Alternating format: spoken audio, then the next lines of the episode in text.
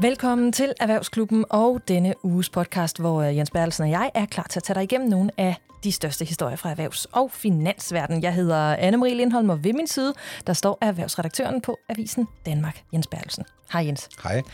Kan vi ikke lige hurtigt runde benzinpriserne? De slår jo rekord øhm, igen, og du er jo ret overbevist om, at det her det kommer til at fortsætte øh, resten af året. Det er i hvert fald ikke slut endnu. Nej, altså der er ikke noget, der tyder på, at priserne skal ned, så vi skal vende os til, at de ligger på det her ret øh, høje niveau, men, men også, at der er altså en oplagt risiko for, at benzinprisen kan, kan ende endnu højere op. Øh, jeg var lige ude og køre på motorvejen i, i går onsdag, der stod der 19 kroner og 9 øre på Ja, en, så en liter vildt. benzin. Ja.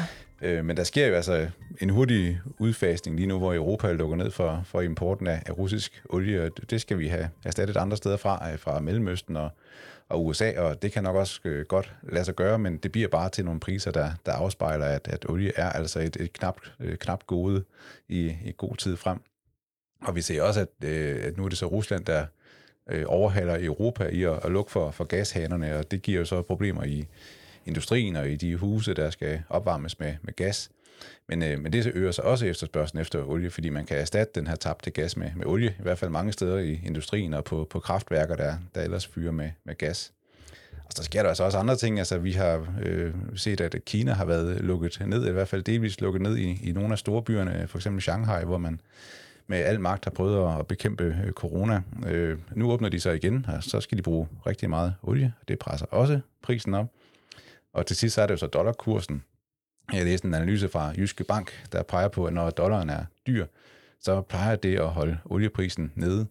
Men det er bare ikke det, vi ser nu, fordi i sådan en tid med, med krig og, og inflation og øh, måske udsigt til, til recession, jamen, så søger man mod amerikanske dollars som sådan en, en sikker havn. Og det giver den her uheldige kombination, at, øh, at olien er dyr, og den betaler man i, i US dollars, og det påvirker altså også øh, pumpeprisen ude på de, dan, de danske øh, tankstationer. Det var tre gode grunde til, at, øh, at benzinprisen den vil fortsætte med at være høj. Altså Putin, Kina og amerikansk dollar. Kan vi så allerede nu se tegn på, at det har smittet af, altså på danskernes øh, kører og købelyst, ikke mindst? Jeg synes, man kan se det på motorvejen, at der ligger simpelthen flere biler og, og snegler sig afsted med 100 km i timen, og, og det kan man jo også spare temmelig meget øh, brændstof på. Vi har også skrevet om en undersøgelse, som øh, A Plus Bilsyn har fået lavet, øh, uden jeg lige ved, hvorfor de har lavet den slags, men den viser, at hver tredje bilist øh, kører mindre på grund af, af de stigende brændstofpriser, og, og lige så mange har i hvert fald en dag om ugen, hvor de slet ikke, øh, ikke kører nogen steder.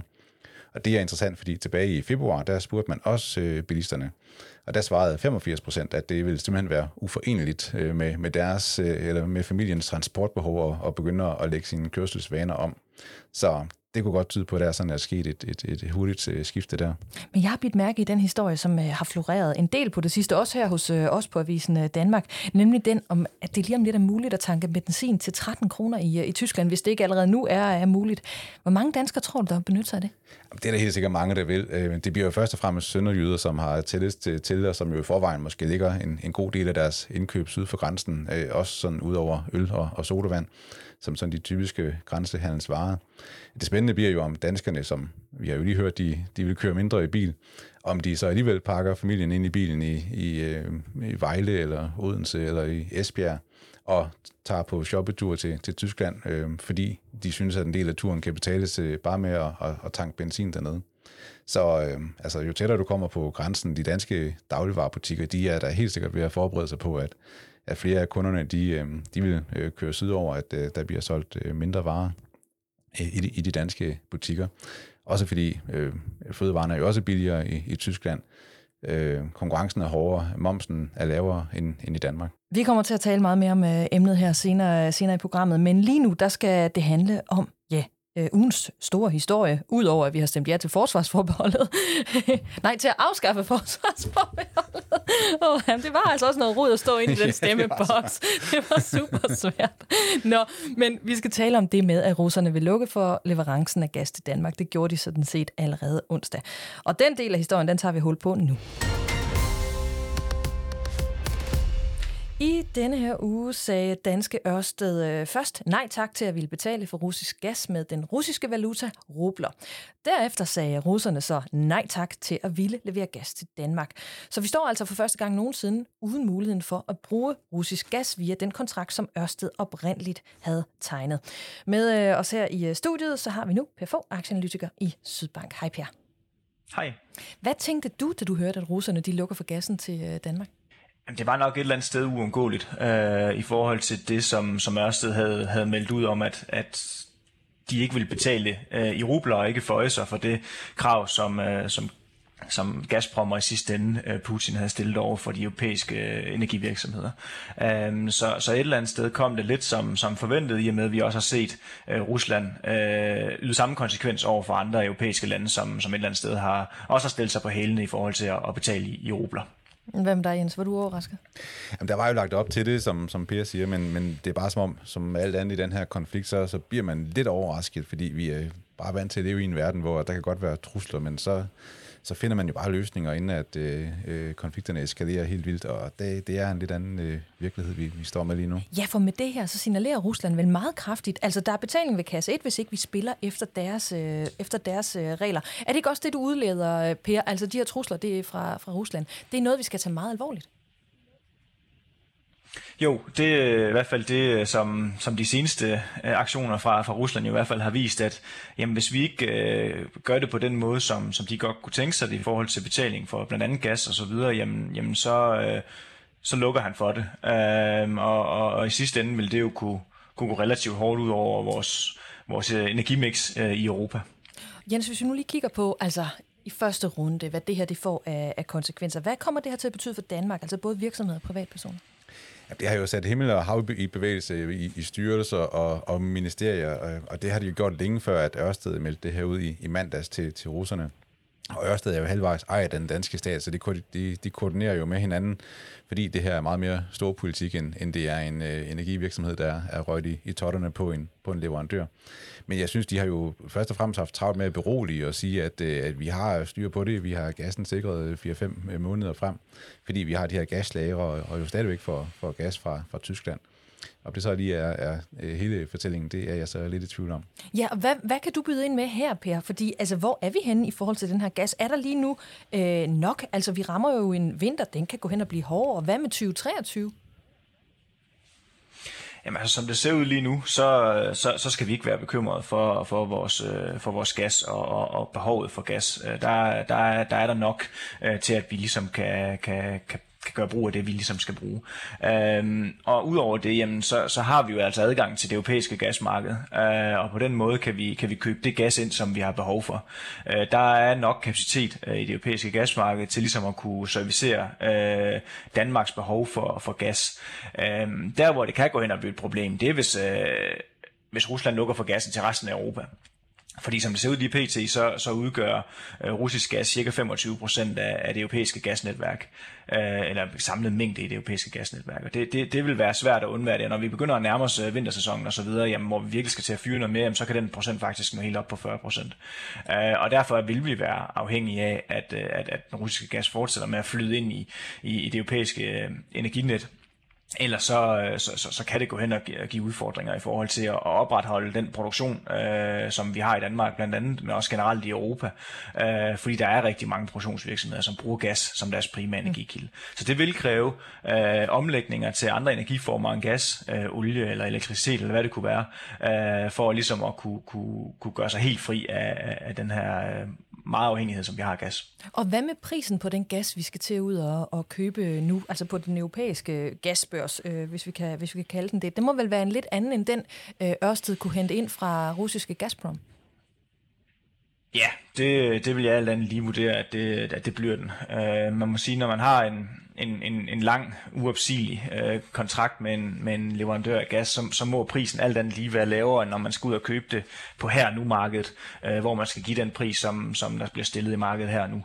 Øh, og med de udsigter, vi har til, til, til måske ret kraftigt fald i udbuddet øh, af, af naturgas øh, i de kommende måneder, i og med, at, at Rusland begynder at lukke stille og roligt ned for flere og flere lande, jamen så, så vil det alt andet lige i min optik give en, en, en stigende gaspris. Øh, og det, det kan selvfølgelig ramme øh, danske forbrugere og virksomheder også.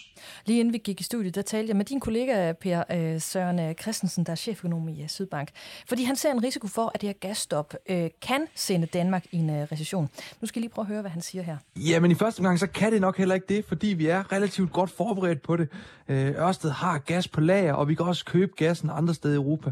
Så som det ser ud nu, så, har, så kan vi stadig få gassen, og selvom det måske bliver en smule dyrere, så går det nok også. Men vi rykker alligevel et skridt tættere på en situation, hvor vi ikke har gas nok, og det kan ske, hvis at der bliver lukket helt for gassen til Europa, eller hvis vi kommer ind i en lang, øh, hård og kold vinter. Øh, så står vi i en lidt dårlig situation, og hvis vi lander et sted, hvor der så ikke er gas nok, jamen så er jeg meget svært ved at se, at vi kan undgå en recession i dansk økonomi. Og hvor påvirket øh, vurderer du, at den danske økonomi kan blive det? Jamen ganske, ganske meget. Vi kan jo komme ud i en situation, hvor nogle virksomheder må stå stille i, øh, i kortere eller længere perioder, og, øh, og det vil altså sende økonomien i bakke, og det vil betyde, at vi skal se flere arbejdsløse, og måske også faldende boligpriser. Så, så alt det, vi sådan normalt forbinder med tilbagegang i økonomien, det kan faktisk komme herfra det er, jo, øh, det er jo fuldstændig umuligt at gisne om, hvad Putin egentlig kan finde, øh, finde på. Det, har, øh, det siger alle erfaringer også jo. Øh, derfor, når du taler om det her med et komplet stop for gas til Europa, så det er jo sådan set ikke et utænkeligt scenarie. Hvad vil det betyde for den europæiske økonomi, og hvilke lande vil blive særlig hårdt ramt? Hvis vi kigger på, hvem der er mest afhængig af gassen af de store lande, jamen, så er det lande som Tyskland og Italien, som virkelig er skudlinjen her, som bruger meget gas, og også får meget af den gas, de bruger fra, fra Rusland. Det vil de ikke kunne gå ud og finde andre steder, så de vil blive rigtig hårdt ramt af at komme til at mangle den, og deres industri vil stå stille i, i endnu højere grad end den danske, så, så de vil øh, blive virkelig hårdt ramt, og, og det vil altså også smitte af på Danmark, især det, der sker i Tyskland, vil, vil ramme dansk økonomi med, med relativt hård kraft. Og som du ser det, er der overhovedet noget, man fra dansk og europæisk side kan gøre for at, at, at sikre fundamentet under, under økonomien, altså på forhånd? Det er svært, fordi det er noget, der tager noget tid, men altså det, man har gjort i Tyskland med at forsøge at få udbygget nogle af de, øh, de terminaler, man har til at modtage flydende naturgas, øh, det er en vej at gå, men altså også det her med at få bygget nogle vindmøller og hele taget få så meget vedvarende energi og andre energikilder som muligt, så vi ikke er så afhængige af den russiske gas og olie. Øh, det, det er simpelthen vejen frem for at gøre økonomien mere robust over for det her, men, men det er desværre ikke noget, der sådan sker lige hen over natten. Øhm, nå, med, med det her i, i mente, så lad os lige vende blikket mod øh, Ørsted, øh, Per, der er jo i modsætning til dansk økonomi og europæisk økonomi, som Søren han taler om her, får måske lidt mindre at slås med. Altså, hvad betyder det, der er sket i den her uge for Ørsted? Jamen, som sådan egentlig ikke det, det helt store. Altså, de, de, de, det betyder selvfølgelig, at de skal ud og, og, og sikre sig øh, gas på det europæiske øh, gasmarked, så de kan blive ved med at servicere de kunder, som, øh, som, som efterspørger gas fra Ørsted. Øhm, og, og det bliver selvfølgelig en lille smule mere bøvlet nu, hvor man ikke har den her øh, kontrakt med, at man får noget fast leverance, altså garanteret fast leverance af gas. Nu skal man ud og og ligesom finde det på det europæiske, europæiske gasmarked, øh, og, og, og på den måde øh, sælge det videre til, til, til kunderne. Øh, hvis vi tænker sådan rent øh, økonomisk for, for Ørsted, jamen så har det egentlig ikke den helt store betydning, alt efter om, om prisen er høj eller lav på, på det her gas her, fordi Ørsted har nogle kontrakter, hvor man egentlig fakturerer kunderne det gassen nogle gange koster, øh, og så lægger man en lille marginal oveni, øh, som Ørsted de så tjener på ligesom at, at håndtere øh, hele den her indkøb af gas og, og sende videre osv. Øhm, Så det har en, en, en relativt lille betydning for Ørsted. Der er heller ikke nogen hemmelighed, at, at Ørsted i lang tid godt har kunne tænke sig at komme ud af den her gaskontrakt, fordi det er ikke deres kerneforretning at, at stå for import og eksport af gas øh, til Danmark. Øh, de vil langt hellere øh, sætte havvindmøller op og udvikle nye øh, vindparker osv., øh, end at de vil stå for, for alt det her gas her. Så, så på en eller anden måde øh, kan det også godt være en mulighed for Ørsted ligesom at komme ud af den her øh, kontrakt med, med gas, Gazprom på. Ja, og apropos øh, kontrakten, altså tidligere var det jo sådan, at hvis de sprang ud i utid af kontrakten, altså Ørsted, så kunne russerne komme efter dem øh, med et, øh, ja, et erstatningskrav. Men nu, hvordan er de så stillet i forhold til den her kontrakt? Er det i virkeligheden sådan, at nu kan de komme efter russerne? Ja, det, er, det bliver meget hurtigt juridisk øh, i forhold til lige, hvad den ene paragraf siger i forhold til, til og, og præcis, hvad der står i kontrakterne. Øh, og det, det kan være meget svært sådan ligesom at, at spå om. Men, men der er ingen tvivl om, at, at Ørsted vil da helt sikkert øh, undersøge muligheden for øh, at komme ud af kontrakten, øh, i og med, at de nok ser det her som kontraktbrud. Øh, fordi der står ingen steder i kontrakterne, at, at man, man skal betale i rubler. Øh, og det er jo et eller andet sted det, der har fået Gazprom til at stoppe leverancen. Øh, så, så, så umiddelbart er det min vurdering, at, at der kan være en, en mulighed for Ørsted her at komme ud af den her kontrakt, øh, i og med, at, at, at der er en form for kontraktbrud fra Gazproms side. Øh, så, så, så det vil være min vurdering, ja. Jamen med alt det, du siger her, er det her så i virkeligheden ikke også et, altså er det ikke et lykketræf for, for Mads Nipper og Ørsted? Altså nu slipper de jo også for at være på Danmarks øh, sorte liste over virksomheder, som handler med, med Rusland. Hvordan ser du øh, på det, Per? Jo, jeg tror nu egentlig gerne, de ville have været det her foruden. Det tror jeg, vi alle sammen havde, især med invasionen af Ukraine og så videre. Men, men det er heller ikke nogen sjov situation for Ørsted. Det, det har givet dem øh, rigtig meget hovedpine. Øh, at, at sådan en, en relativt lille del af forretningen øh, egentlig kommer til at tage så meget fokus øh, og, og, og, og kræfter fra, fra topledelsen i Ørsted. Øh, så jeg er ingen tvivl om, at, at de, de vil nok rigtig gerne have været, øh, været det her foruden. Øh, og, og ser det nok lidt, som, som vi har nævnt tidligere, som mulighed for ligesom at komme ud af den her kontrakt og, og, og, og ligesom ja, stoppe handlen med, med, med Rusland, fordi det er der ingen tvivl om, det, det vil de i hvert fald allerhelst. Øh, det er ligesom ikke at, at støtte op om den her krigsmaskine, som, som Putin et eller andet sted øh, har sat værkt over. Men Per, kan man sige, at de har håndteret det egentlig utrolig elegant? Altså, de tog nogle ordentlige tests der tilbage i februar, og alle var sure på dem. Man kan ikke forstå, at de ikke bare afbrød den kontrakt, og de, de lykkedes sådan på et eller andet tidspunkt med at argumentere med, at det ville jo koste dem dyrt øh, i, i søgsmål fra, fra Gazprom sikkert, og nu, nu har de så haft is i maven, og nu, nu kommer de jo så øh, muligvis ud af, af kontrakten, og kan måske endda sagsøge øh, Gazprom, hvad alle ville synes var, var en fest. Er det godt turneret sådan ledelsesmæssigt? Altså, jeg synes, hvad, Jamen altså, de kom måske lidt uheldigt fra start, ikke? Øh, hvor man ikke øh, lige helt får, får, får egentlig iscenesat, øh, hvad, hvad er det egentlig, den her kontrakt, den betyder øh, for Danmark og for, for vores energimix øh, generelt, øh, og for vores erhvervsliv og, og vores husstand for den sags skyld. Øh, at det er altså en, en kontrakt, som, som en, en, en privat virksomhed øh, jo ikke bare kan gå ud og sige, jamen den skal selvfølgelig bare stoppe, øh, fordi så kunne vi altså kaste dansk erhvervsliv ud i en, i en energikrise Øh, i og med, at der vil rigtig mange, der vil stå og mangle den gas, som der var behov for. Og da først det ligesom blev kommunikeret ud, og det ligesom blev en fælles forståelse, så synes jeg faktisk at Ørsted har håndteret det rigtigt. Øh, de har jo fra start af holdt fast i, at de kommer ikke til at føje sig øh, for, for Gazprom, og de øh, krav, som de stiller, øh, de, de står ligesom med, med kontrakten i hånden og siger, at vi følger kontrakten, som vi altid har gjort, øh, og hvis det ikke er nok for jer, øh, så kan vi i sidste ende et eller andet sted slippe jer i retten og måske komme ud af den her kontrakt. Øh, fordi som du også selv siger, hvis de selv bare havde revet den i stykker, jamen så var det altså en kontrakt, der sagde, at selvom vi ikke øh, får gassen leveret, så skal vi stadigvæk fortsætte med at betale. Øhm, og, og, og det er jo ikke i nogens interesser. Så jeg synes et eller andet sted, at de har, de har håndteret det øh, efter en lidt øh, sløj start, har de faktisk håndteret det rigtig stærkt. Så når du nu sidder og kigger på aktiecasen øh, Ørsted, øh, hvordan forholder du dig så til den nu? Den har ikke ændret sig øh, sønderligt i min optik. Øh, det jeg har fokus på, det er havvind, og det er landvind, og det er solenergi, øh, og, og i langt mindre øh, omfang deres, deres gas og deres øh, kraftvarmeværker. Fordi i min, i min optik er det sådan lidt en, en, en, et levn fra gammel tid, øh, som, som de et eller andet sted er, er, er nødsaget til at have i deres forretning, øh, i og med, at det er kritisk infrastruktur. Og når staten er, er den ejer, som de er i Ørsted, jamen så, så kan det godt være, være årsag til, at de stadigvæk har de her aktiviteter øh, i Ørsted. Øh, men jeg har fokus på, på havvind og den kraftige udbygning af havvind, som kommer i de, i, i de kommende år. Øh, og derfor også, som det fremgår af Sydbanks hjemmeside, så har jeg en købsanbefaling på Ørsted.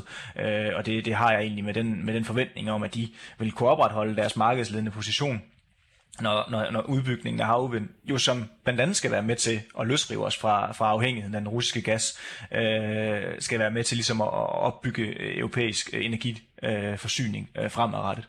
Øh, så så jeg, jeg forventer egentlig også, at de skal, de skal have en, en, en, væsentlig væsentlig andel øh, af, det, af det udbygning, der kommer der, øh, både i Europa, men også for den sags skyld i USA og Asien, øh, hvor der også er, er store planer for udbygningen af hav øh, og land og, og solenergi.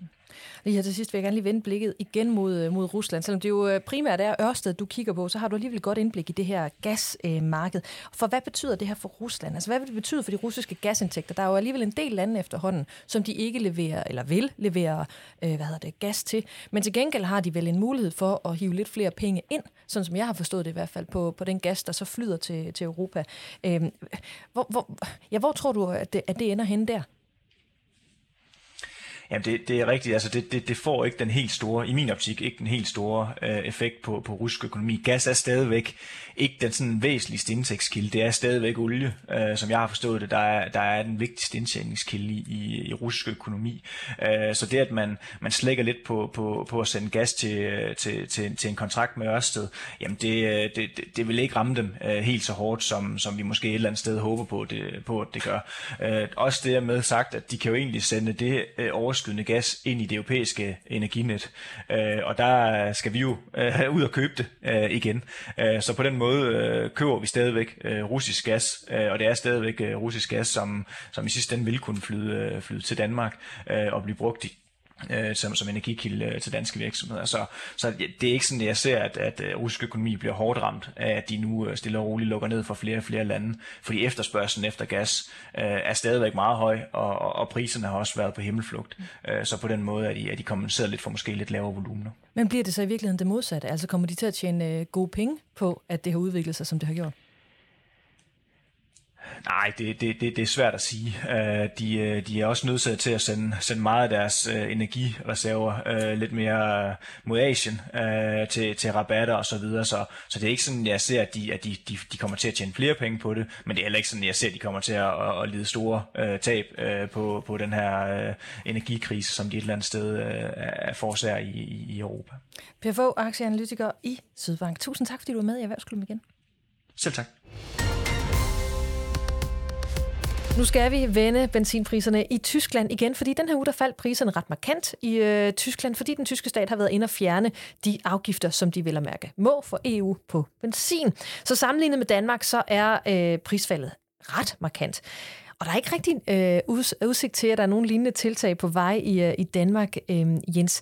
Hvad er det ved den tyske økonomi, og ikke mindst hvad kan man sige, øh, forbrugerøkonomi, som gør det så vigtigt, at de nu har valgt at sænke priserne på benzin?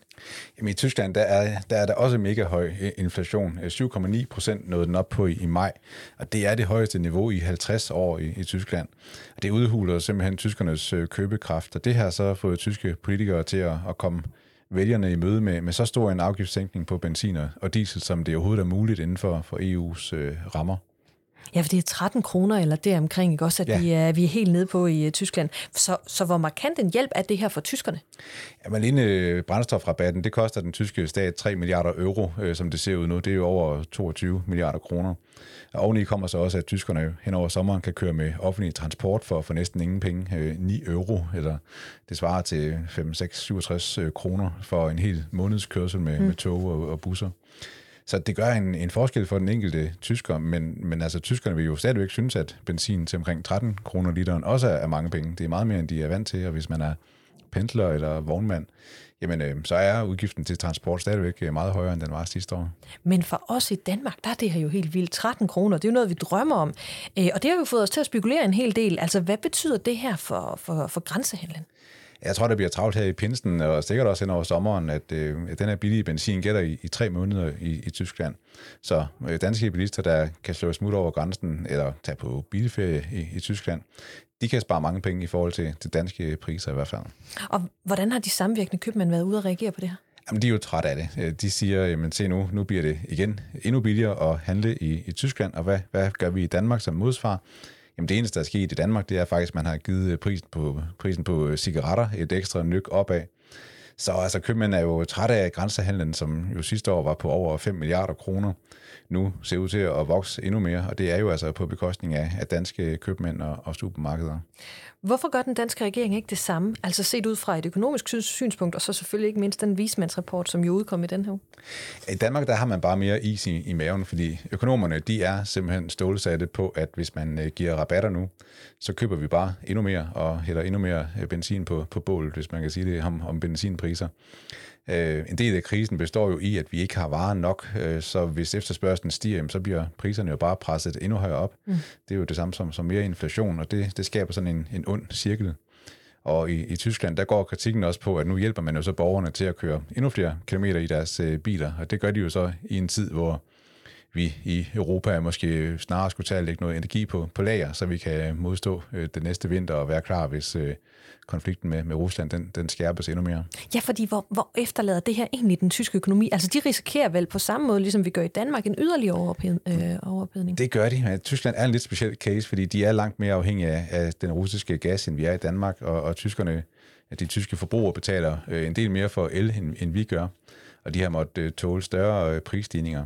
Så det er ikke så svært at forstå, at den tyske regering gerne vil, vil gøre et eller andet for sin, for sin befolkning. De har også gjort rigtig meget, meget mere, end vi har set herhjemme. Øh, øh, familier med lave indkomster har fået større tilskud. Øh, der er sendt øh, checks ud. Øh, de har sendt øh, ekstra børnepenge ud til, til børnefamilier. Og det er ikke det, økonomerne anbefaler, men det har tyskerne altså ment var, var det rigtige at gøre sådan rent politisk. Den er gal igen hos Danske SAS, der jo den her uge øh, udkom med deres halvårsregnskab, og i samme forbindelse fortalte de faktisk, at den redningsplan, som de iværksatte i øh, første kvartal, SAS Forward hedder den, den ser ikke længere ud til at være tilstrækkelig. Nu skal vi se lidt nærmere på øh, alt det, der er galt i virkeligheden, og det gør vi sammen med dig, Jakob Pedersen, aktieanalysechef i Sydbank. Hej Jakob. Der kunne du lige berette, at der er faktisk sket noget, øh, noget, noget her fra morgenstunden, der angår SAS, som potentielt kan være stort. Kan du ikke lige forklare, hvad er det? Hvad er det? Jo, der er en svensk avis, som, som skriver, at der er et konsortium, som er i gang med at undersøge mulighederne for, for at overtage SAS. Øh, og, og i første omgang, så er det, så er det meget, meget spekulativt, men, men når, man, når man tænker på i hvert fald, hvor, hvordan jeg ser på muligheden for, at SAS skal, skal skrabe det så omkring 7 milliarder danske kroner sammen i en ny kapitalforhøjelse, så kan jeg godt se, at det bliver svært for SAS, hvis det er sådan, at man skal ud og sælge de her aktier til, til, til fonde, som måske skal tage 1, 2, 3 procent af SAS, og, og private, som skal tage en endnu mindre del. Øh, der kan det som end godt give mening, at der sidder nogen, som, øh, ja, som mener, at de er kloge nok til ikke at skulle tage penge på at investere i flyaktier i fremtiden, som siger, at hvis vi kan få bestemmende indflydelse, så vil vi egentlig gerne kigge på det her. Øh, udfordringen for dem kan så være, hvordan får de den kabale til at gå op med blandt andet en, en dansk stat, som... Øh, Ja, som er nødt til at skal have noget hånd i hanke med SAS, fordi SAS og Københavns Lufthavn er omdrejningspunkter i, i luftfartsstrategien. Mm. Ja, fordi hvad vil det her betyde? Altså, det er jo, nu siger du den danske stat, men der er også den svenske stat, ikke? Altså, hvad, hvad, hvad betyder det for hele den øh, konstruktion, som SAS jo i virkeligheden er bygget op omkring i dag? Jamen, det, altså, det, den er jo egentlig kastet lidt op i luften, fordi vi ved ikke, hvor vi har staterne i det her. Den, den svenske stat har igennem en del år sagt, at de ikke langsigtet ejer af SAS. Men, men, men den danske stat øh, har jo lagt en luftfartsstrategi, hvor Københavns Lufthavne, og dermed også SAS, som har sit knudepunkt i København, øh, er, nogle, er nogle vigtige omdrejningspunkter. Så, så, så jeg er ikke overbevist om, at de danske politikere er villige til egentlig bare at tage et kæmpe tab på SAS, og så slippe indflydelsen i selskabet fuldstændig. Mm, okay. Øh, altså, når vi lægger det hele sammen, nu skal vi lige om lidt jo til at udlægge teksten og kigge, i, øh, kigge alt det, der er galt med SAS. Er det her så egentlig gode nyheder for SAS? Altså, vil det her være øh, det mest optimale overhovedet for dem, hvis der vel at mærke er noget om snakken?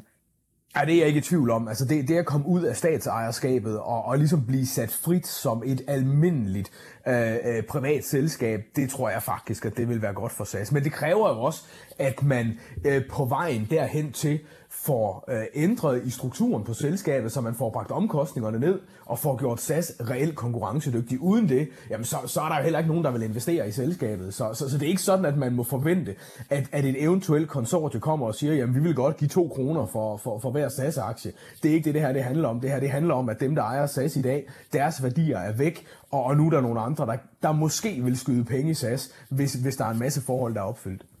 Men hvordan ser du muligheden for, at sådan et konsortium skulle kunne gøre en forskel, øh, som, som man ikke har prøvet allerede? Altså det her med for eksempel at, at få medarbejderne til at arbejde på en anden måde, så man ikke har det her premium-selskab i et lavprismarked? Jamen, jeg, jeg tror først og fremmest, så, så handler det her om, at, at SAS skal være grundlæggende forandret, inden et konsortie overhovedet er villig til at lægge så meget som en, en, en svensk eller dansk øre øh, for, for, for at købe sig ind i selskabet. På, man, man skal på plads og få nedbragt gælden, man skal på plads med, med en meget øh, bedre omkostningsstruktur og med nogle meget simplere overenskomster end dem, man har i dag. Øh, ellers så tror jeg ikke, at der er nogen, der, der, der vil være villige til at skyde penge i SAS. Og det er også derfor, at den her artikel og den her historie, den er sådan lidt spekulativ, fordi der er altså rigtig mange ting, SAS skal i mål med, inden der, inden der er nogen, der vil sende penge mod selskabet. Ja, apropos det, så skal vi lige have sat et bord på nu, hvorfor at det er, at øh, der, der er langt igen. Hvad er det, der er los i, øh, i, øh, i SAS? Altså, hvad, er det, hvad har regnskabet vist? Det har jo vist, at SAS stadigvæk ikke kan tjene penge, og at der er meget, meget lange udsigter mod, at man begynder at tjene penge. Og det er jo det har jo været det alt overskyggende problem, og det har jo faktisk været synligt, synligt i det sidste års tid, fordi SAS har ikke øh, lavet de samme gode aftaler med medarbejderne, som mange af SAS' konkurrenter har. Så det, der er sket her hen over corona, det er, at konkurrenterne har nedbragt deres omkostninger, mens SAS' omkostninger faktisk, i hvert fald mål per ansat, er øget. Og det, det, det, er jo ikke nogen, det er ikke nogen super sund udvikling, og det er man simpelthen nødt til at skal have gjort noget ved. Øh, derudover, så er, selvom man har fået mange penge i kassen øh, ved den sidste redning, man lavede, i, i, hvor staterne også skød penge i SAS i efteråret 20, så er SAS' gæld eksploderet herhen over coronakrisen. Og man har simpelthen ikke penge til at servicere og betale af på den gæld, så gælden skal også nedbringes. Og der, der, der er altså i øjeblikket både medarbejdere og, og, og, og leasingselskaber og, og kreditorer, som, som læner sig lidt tilbage og tænker, tænker, at staterne plejer at komme og redde os. Øh, det gør de nok igen, men, men, men, men det gør staterne ikke den her gang, og det gør, at, at, at det, det, det, det, det er både medarbejdere og leasingselskaber nødt til at skal indse, for de sådan rigtig kommer tilbage til forhandlingsbordet. Ja, der venter et kæmpe, kæmpe arbejde for SAS. Altså, hvor afgørende er de forhandlinger, som SAS har med, med flypersonalet, med piloterne osv. Lige, lige nu, i forhold til alt det, du nævner her? Man skal huske, at vi, vi, vi, jo, vi er jo altid hurtige til at sige, om det her det er ikke piloternes skyld, men det er det jo ikke. Altså det, og det, det, det, det skal man også huske, at de omkostninger og de omkostningsbesparelser, som SAS er i gang med, der er medarbejderne, det er faktisk kun omkring en femtedel af de omkostninger, man skal spare. Der er rigtig mange andre steder, og det er, fly, det er, hvad hedder det, flyproducenter, hvor man skal have, have, have, have bedre vilkår. Det er leasingselskaber, hvor man skal have bedre vilkår. Så, så SAS er hele paletten rundt for at forsøge at finde, at finde besparelser. Men, men uden de besparelser, så er der heller ikke nogen, der vil komme med friske penge til SAS, og så overlever man altså ikke. Så, så, så det her det er et selskab i, i overlevelseskrise. Det kan godt være, at der, at der stadigvæk er, er en del milliarder i kassen. Nu har man jo lige fået en masse forudbetalinger på de øh, fly og, og rejser, som man skal flyve her hen over sommeren. Men, men det her det er et selskab i overlevelseskrise, for man kan ikke tjene penge, og så er det altså bare et spørgsmål om kvartaler, før, før, før pengekassen den vil være tom. Jeg så, øh, jeg mener, at det var i går, at Nordea var ude og sænke deres kursmål for SAS-aktien til 0,07 kroner, altså 7 øre. Øhm, ja, hvad siger det dig? Jamen, man kan sige, at de siger jo meget det samme, som jeg har egentlig har forsøgt at forklare investorerne igen nogle kvartaler, at, at deres værdier er væk. Det her det er jo et selskab, som i og for sig, hvis, hvis der ikke kommer nye penge i kassen, så er det et selskab, som forsvinder fra, øh, fra, fra jordens overflade. Øh, så kan det godt være, at der er nogen, der overtager en eller anden tom skal og fører brandet videre. Det, det, det er da realistisk. Men, men, men, men SAS er et selskab, der ikke kan ophæve de, den økonomiske tyngdelov, og hvis man ikke kan tjene penge, jamen, så dør man altså på et tidspunkt. Og, og det der SAS er på vej hen, og derfor så er værdi værdierne hos dem, der ejer SAS i dag, i bund og grund væk. Så 7 øre, det er sådan set rimeligt nok i din optik?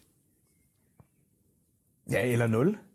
altså det, det, det her er et selskab, der, der, der, der, der, der uden, uden ny kapital, så, så, så, øh, så forsvinder man. Men det er klart, den udvandring, der er lagt op til i, i den nye plan, der kommer, og de mange nye aktier, som skal udstedes, altså det, den gør jo formentlig, at, at dem, der ejer 100% af selskabet i dag, øh, i hvert fald på, på aktiesiden, kommer formentlig ned og skulle eje, det ved jeg ikke, 2, 3, 4% af selskabet i fremtiden. Så deres værdier er i bund og grund væk. Altså nu kan jeg ikke huske, om du nogensinde i den tid, at det her program har eksisteret, har haft en køb eller en holdanbefaling på SAS. Det kan godt være, du har det. Jeg kan bare ikke huske det, fordi det er så lang tid siden. Men ændrer det her sig, for lige nu har du en selv. Øh, ændrer det her sig i tilfælde af det, vi talte om i begyndelsen med det her konsortium, hvis det slår igennem, og der, der viser sig et lidt mere bæredygtigt, øh, en lidt mere bæredygtig fremtid? Nej, det gør det ikke. Ja, lytterne kan få finde analyserne, som jeg laver ind på, på, på, på Sydbanks hjemmeside. Det, ja. det, det, det er sådan noget, jeg skal sige af compliance-mæssige årsager. Men, men, men, men nej, det gør det ikke, fordi det her konsortie kommer ikke til at gå ind og sige, vi vil gerne byde 2 kroner per SAS-aktie. Det her konsortie kommer til at sige, vi vil gerne overtage øh, SAS, men det vil vi først, når det er sådan, at man har foretaget de forandringer, der skal til, og på det tidspunkt, der, der vil værdierne for, for, kan du sige, for de aktionærer, der er der i dag, der vil det stadigvæk være stort set ingenting værd. Okay. Nå, øh, jeg tror heller, vi må lade SAS ligge, fordi det er simpelthen lige til at blive øh, deprimeret over. Men øh, Jakob, du bliver lige hængende, for vi skal have taget et øh, hurtigt øh, temperaturtjek på resten af aktiemarkedet. Først og fremmest, hvad er det, der, hvad er det, for, hvad er det du ser, der sker på aktiemarkedet lige nu, Jakob? Blødningen er i hvert fald lige for en stund øh, stoppet, øh, og det er jo en, en, en modreaktion, som, som vi altid ser på aktiemarkedet. Jeg plejer at sige, at enhver reaktion på aktiemarkedet afler også en modreaktion. Og efter en 6-7 uger med fald, så får vi altså også modreaktionen nu, og, og, og, og det er meget logisk, fordi markedet ser sådan på kort sigt lidt oversolgt ud. Øh, er det så et, et udtryk for, at vi skal forvente, at, at der pludselig skal en aktiefest i gang nu? Det mener jeg ikke, det er. Øh, og det er heller ikke den besked, jeg giver Sydbanks kunder. Øh, vi, vi ser det her som, som lidt en, en, en, kan du sige, en, en modreaktion, som egentlig ikke rigtig har noget fundamentalt i sig. Temaerne er de samme. En pengepolitisk opstramning, nogle centralbanker, som, som ikke længere kan agere bagstopper og agere kunders bedste ven, fordi de er nødt til at skal bekæmpe inflationen. Og så ser vi altså nu, at, øh, at, øh, at, øh, at, at forbrugerne begynder at ramme inflationsmuren. Når det er sådan, at vi alle sammen har været ude at rejse her til, til sommer, så finder vi ud af, at vores corona-opsparinger de er ved at være brugt, og samtidig så er alting altså blevet 10-15 procent dyrere. Og, og det gør, at, at, at, at der, vil, der bliver råd til at købe færdige sjove ting, når det er sådan, at det koster mere at fylde brændstof på bilen, og det koster mere at varme huset op og tænde for stikkontakten. Og det, det gør altså, at mange virksomheder kan komme i i nogle indtjeningsproblemer, når det er sådan, at, øh, at vi kigger lidt længere ind i, øh, i 22. Og det, det gør, at vi stadigvæk er, er ret forsigtige i forhold til udsigterne på markederne. Vi forventer et, et, øh, et lavt, eller måske endda ligefrem negativt afkast på, på aktiemarkederne hen over det næste år. Så, så, så det er ikke fordi, vi, vi siger til vores kunder i øjeblikket, at de skal gå ud og fylde depoterne op med aktier. De skal ikke sælge alt det, de har. Det er ikke det, den her øvelse den går ud på, men de skal sørge for, at deres risiko i depoterne ikke er alt for høj øh, øh, i den periode, som vi går ind i. Altså nu har Jens og jeg jo talt med to af dine kollegaer i dag, både Per Fogh og Søren Christensen, omkring hele Ørsted-situationen og risikoen øh, ved, hvis russerne vælger at lukke fuldstændig ned for gassen til Europa. Øh, hvordan vil det påvirke aktiemarkederne, som, som du ser det? For det må også være en eller anden form for risiko, I, I opererer med. Det er det også, det er det også. Jeg kigger jo meget, når der er sådan, jeg kigger prisfastsættelsen og indtjeningsudviklingen, jamen, så kigger jeg jo meget på, hvad, hvad skal indtjening, når vi kigger fremad? Og, og der er ingen tvivl om, at, at hvis russerne lukker for gassen til Europa, øh, så kommer vi, så kommer vi ud i en, i en indtjeningssituation, der er markant dårligere end det, som er forventet i øjeblikket. Det vil sige, vi kommer til at se nogle regnskabssæsoner med nedjusteringer fra rigtig mange selskaber. Og det er selvfølgelig ikke super godt for, for, hvad kan man sige, for afkastmulighederne. Selvom de europæiske aktier nu ikke længere ser dyre ud, så, øh, så må man sige, at, at hvis, hvis indtjeningen sådan kommer under et alvorligt pres, så, så kan vi altså godt se, at, at aktiekurserne kommer til at falde. Vores, vores synspunkt i øjeblikket og vores forventninger i øjeblikket til de europæiske aktier er faktisk, at de godt kan klare sig lidt bedre end blandt andet amerikanske og, og, og emerging markets aktierne, altså de lidt mere eksotiske øh, steder steder, Latinamerika, Fjernøsten. Øh, men, men, men, men det er klart, hvis der bliver lukket for gassen, så står vi i en anden situation. Og nu er du inde på det her med, at, at øh, det er jo ikke kun dig, der... Det er mange efterhånden øh, aktieanalytikere, der har været ude at dømme altså 2020 ude, ikke? Men hvad med 23, 24 med alt det, vi ved, og ja, i virkeligheden jo også alt det, vi ikke ved øh, med verdensøkonomien, renterne og inflationen. Øh, kom, hvornår kommer vi til at kunne trække luft ind igen? Det kommer jo meget an på, hvor, det kommer meget an på, om det vi kigger ind i nu, om det bliver en blød eller en hård landing.